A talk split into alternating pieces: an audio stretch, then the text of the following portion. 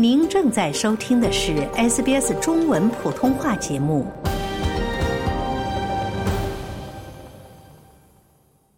听众朋友们，新年好！欢迎您继续收听 SBS 广播中文普通话节目，每周一早晨与您准时相约的生活相对论听众热线节目。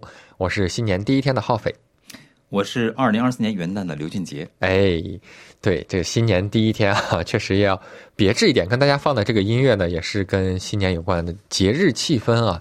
那么也是在我们的节目中，一会儿会跟大家把刚才欠的账放完，一定会放完。好，今天一定跟大家说把音乐放那完。个，因为刚才那个歌曲的歌词写得好，对，而且我也觉得咱们每一次都在五十八分五十九秒就放那么一下下，意思一下，嗯浅尝辄止。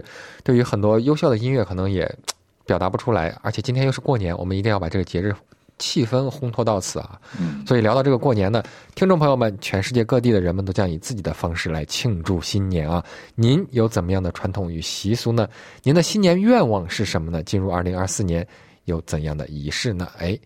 那么我们也看到，有人喜欢看烟花烟花，喝上一两杯，哎，有人可能有不同的习俗，当然这些可能都和不同的文化、不同的人们的新年愿望和就是发自内心的祈愿有关啊，所以也非常欢迎听众朋友们拨打热线电话来告诉我们您的新年愿望。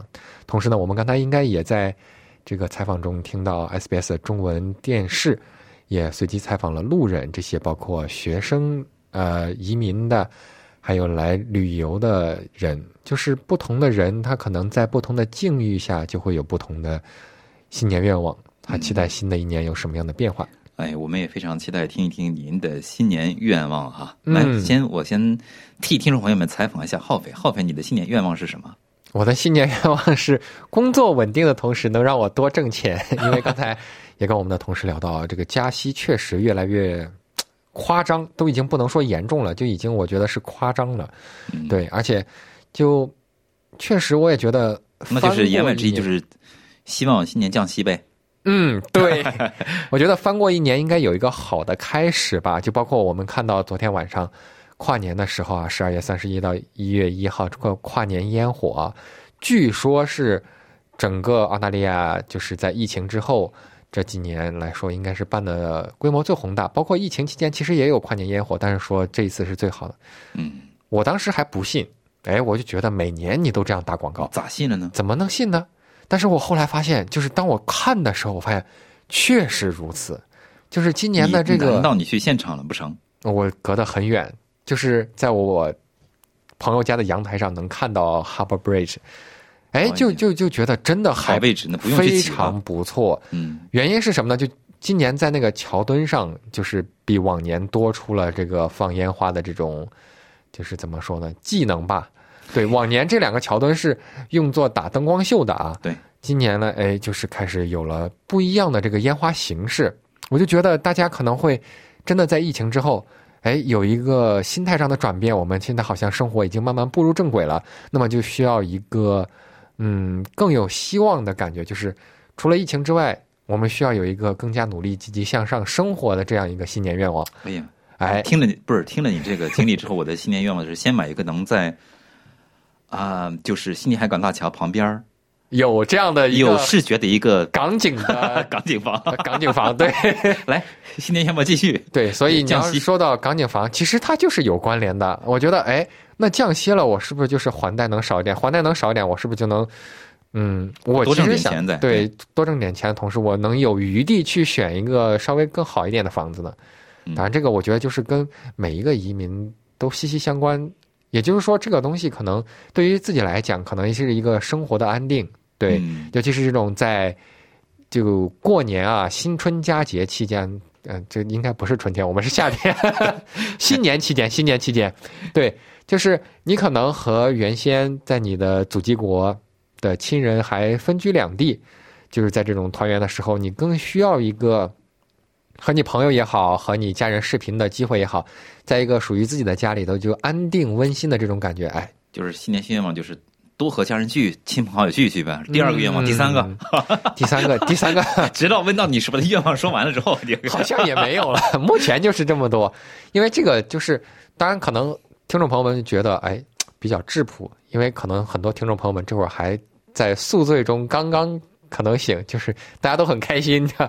但是我这个就是相当于怎么说呢，在一个嗯比较平淡质朴的新年愿望吧，就是嗯对，我具有生我先说一个我的哎，哎又发现你的更多的愿望。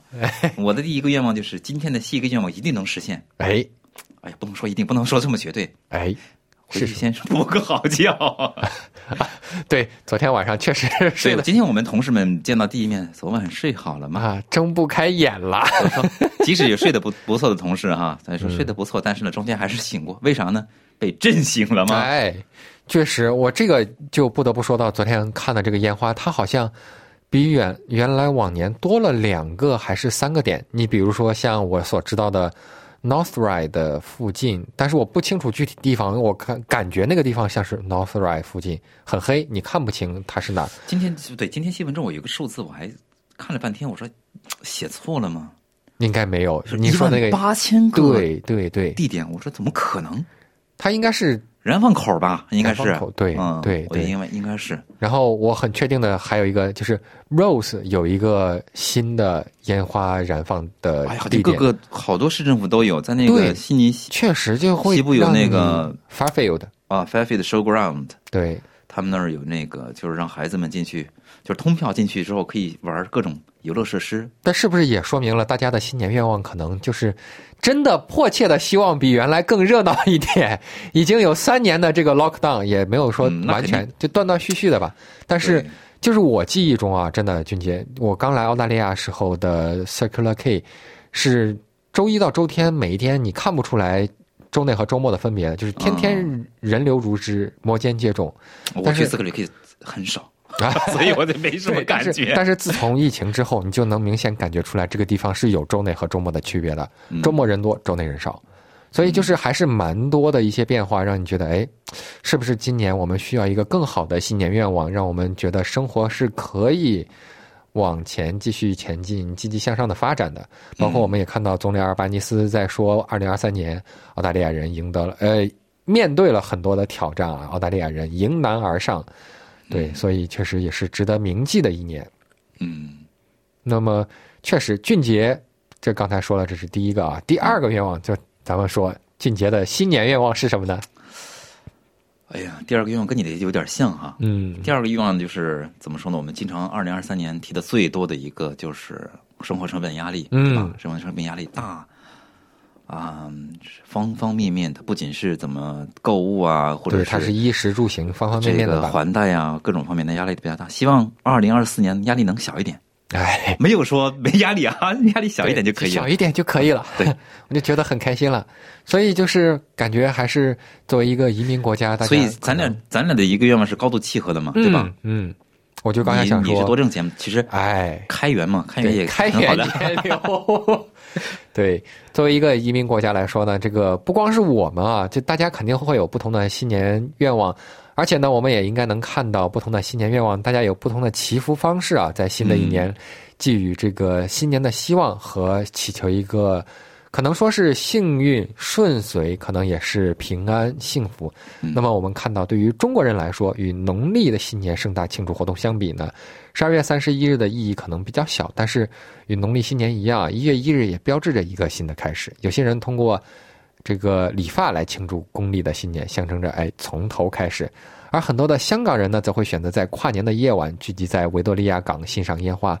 当地人认为这些烟花可以媲美悉尼的跨年烟花表演。哎，这个确实是有所耳闻，但是我没有见过，就希望有机会可以去观赏一下啊。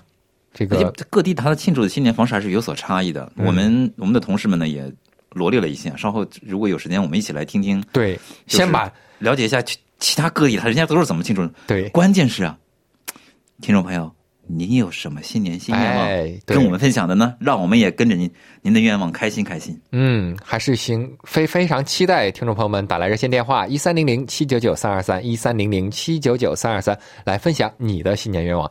咱们先把给听众朋友们欠的账还了，先把这个歌放了。对，里面有一些愿望，我们一起来听一下。哎。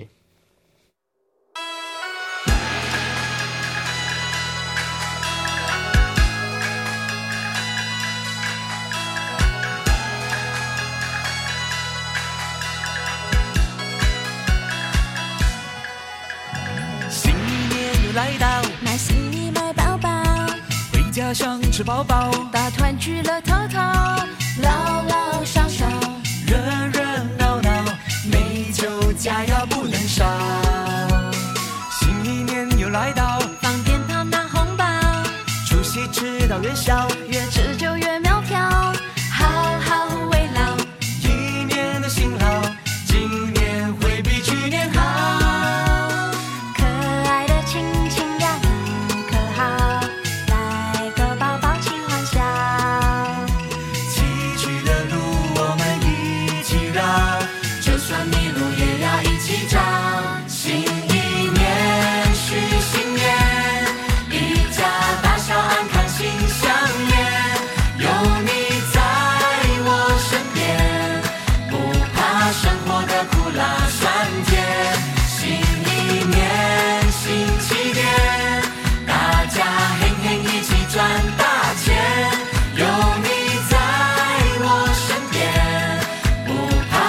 怕挫折困难在面前，跨步向前。就动起来，今天我们继续努力向前，不退缩，不气馁，勇敢战胜这一切，越努力就越幸运。活出一个新世界。Come on，为了牛一牛，好运跟着动起来。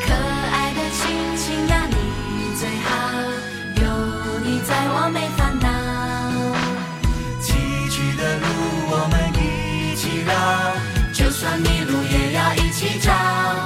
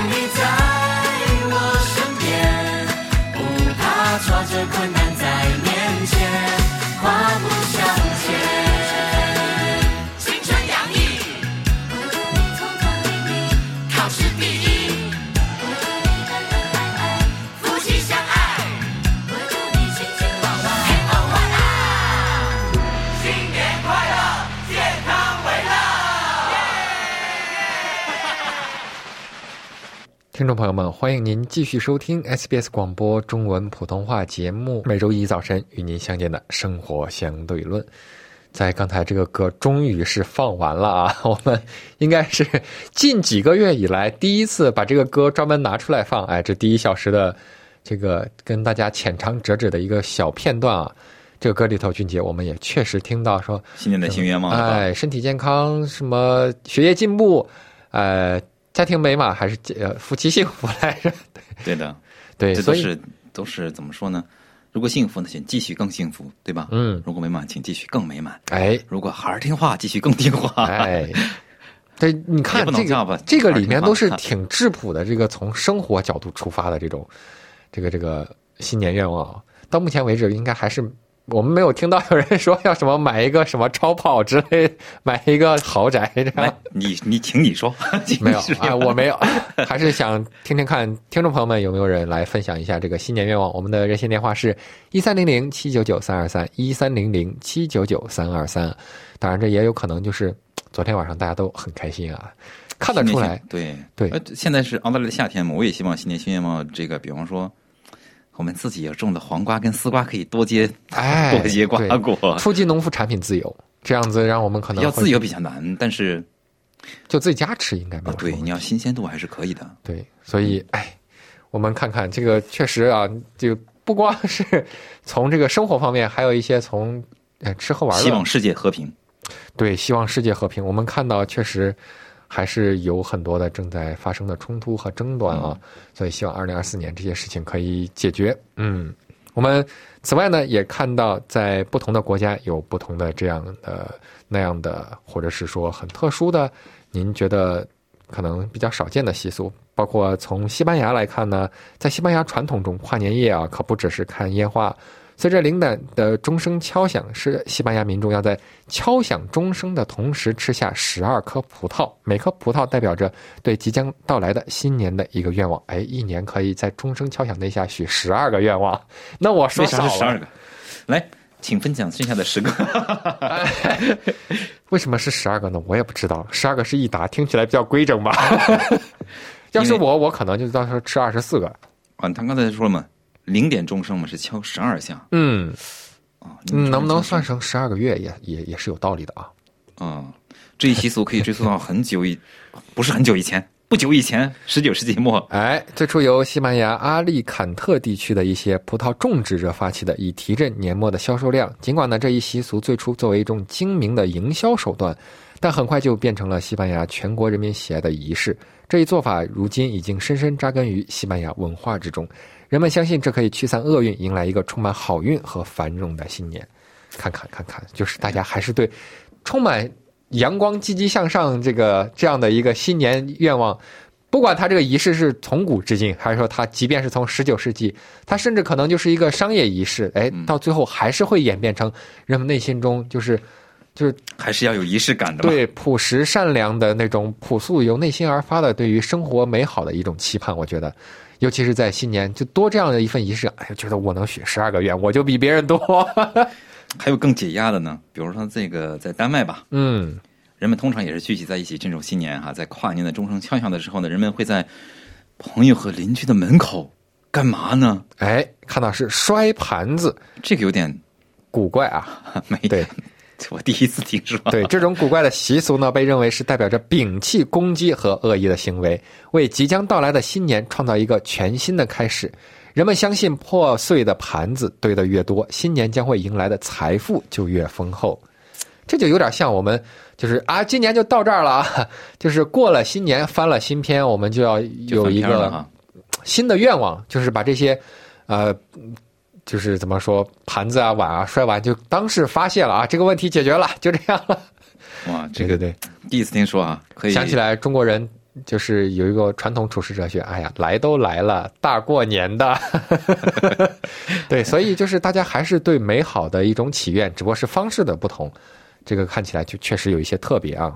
嗯，包括我们看到，在日本呢，人们跨年夜也会举行一个传统的仪式，被称为刚才我问了，嗯、这个浩飞啊，他说的是浩飞啊，他说是除夜的钟哈，在这个仪式中哈，嗯佛寺的钟声呢会敲响一百零八次，以驱除人们内心中存在的一百零八种邪念。哎，人们相信这一仪式可以净化过去一年的罪孽，鼓励个人进行反思和净化。哎，新年呃，新的一年里有一个全新的自己。哎，反思一下过去一年中的我，我觉得可能还不够努力，我们需要再努力一点，来抵抗通胀的压力。哎，不能老老给自己加这种码，我觉得加这种码就好像觉得，其实你觉得这个数字吧，嗯很多都是大家好像都很怎么说呢？常见，不是很常见，很特殊但是运用的方式都都很一都很一样。一年哎十二个月，这个十二这个数字用的很多。，对对对，嗯，包括像一百零八次这种，就像佛教理念中的，就佛珠颗数也是一百零八颗，当然这个就有点牵强附会啊，听众朋友们一百零八降了，马上要。在俄罗斯跨年夜呢，许愿最流行的方式呢是将愿望写在一张纸上，整整齐齐折叠四次，然后呢，用新年餐桌上的蜡烛火焰将其烧毁。嗯，烧毁纸张后呢，灰烬应当撒入香槟杯中，在钟声敲响十二下的时候饮用。哎我，这忽然间感觉像有点那种古老的神秘仪式，来自我觉得它甚至有点像来自于，就是北方维京人的这种过节形式。当然，这可能也有文化上面的交融和影响。我觉得这种新年祈愿方式也是一个比较特别的。我现在觉得啊这些分享完了后，我就觉得。越特殊的仪仪式会让你越记忆犹新、印象深刻，这样子可能会对于新年来说更加的，就是让你觉得我们要有一个新的开始了对新的开始，要践行这个，就是让你想着，哎，确实是新的一年，哎，确实也不一样了。哎，好事儿啊！并且这个俄罗斯这个新年有趣的是哈，因为刚过完圣诞嘛，嗯，所以呢，这个我们澳大利亚的圣诞老人应该是往往是 不是雪橇啊？我们冲这个踩着滑滑这个这个冲浪板冲浪板来的。哎，嗯，但俄罗斯老圣诞老人肯定是穿着冬天的服装了哈。嗯，但是他往往呢会陪伴一个嗯年轻的女孩在身边，叫雪公主。哎，这个雪公主呢是人们相信她是俄罗斯圣诞老人的孙女啊，这应该也是俄罗斯人祈愿中的我们在过年过节期间要家人团聚的这样一个节日气氛吧，也可以说是个人的美好愿望，所以也确实是嗯，不同的国家有着不同的对节日纪念的这样的一个气氛和个人的一个方法。相信呢也是给您留下了深刻的印象。哎，祝大家新年快乐的音乐又响起来。今天应该是大家都还是过了一个快乐的跨年啊，所以今天早上可能还没有起，这么早来参与我们的听众热线节目。哎，对你有什么新年的新愿望？非常欢迎您在我们的社交媒体平台来表达您分享您的愿望，嗯让我们也了解一下您愿望的一些内容，让我们也一起开开心心，一起来迎接二零二四年。哎，非常欢迎您在二零二四年继续与 SBS 中文普通话广播作伴，我们将为您带来更好的节目、优质的内容。我是浩斐，我是刘俊杰，祝您新年快乐！新年快乐！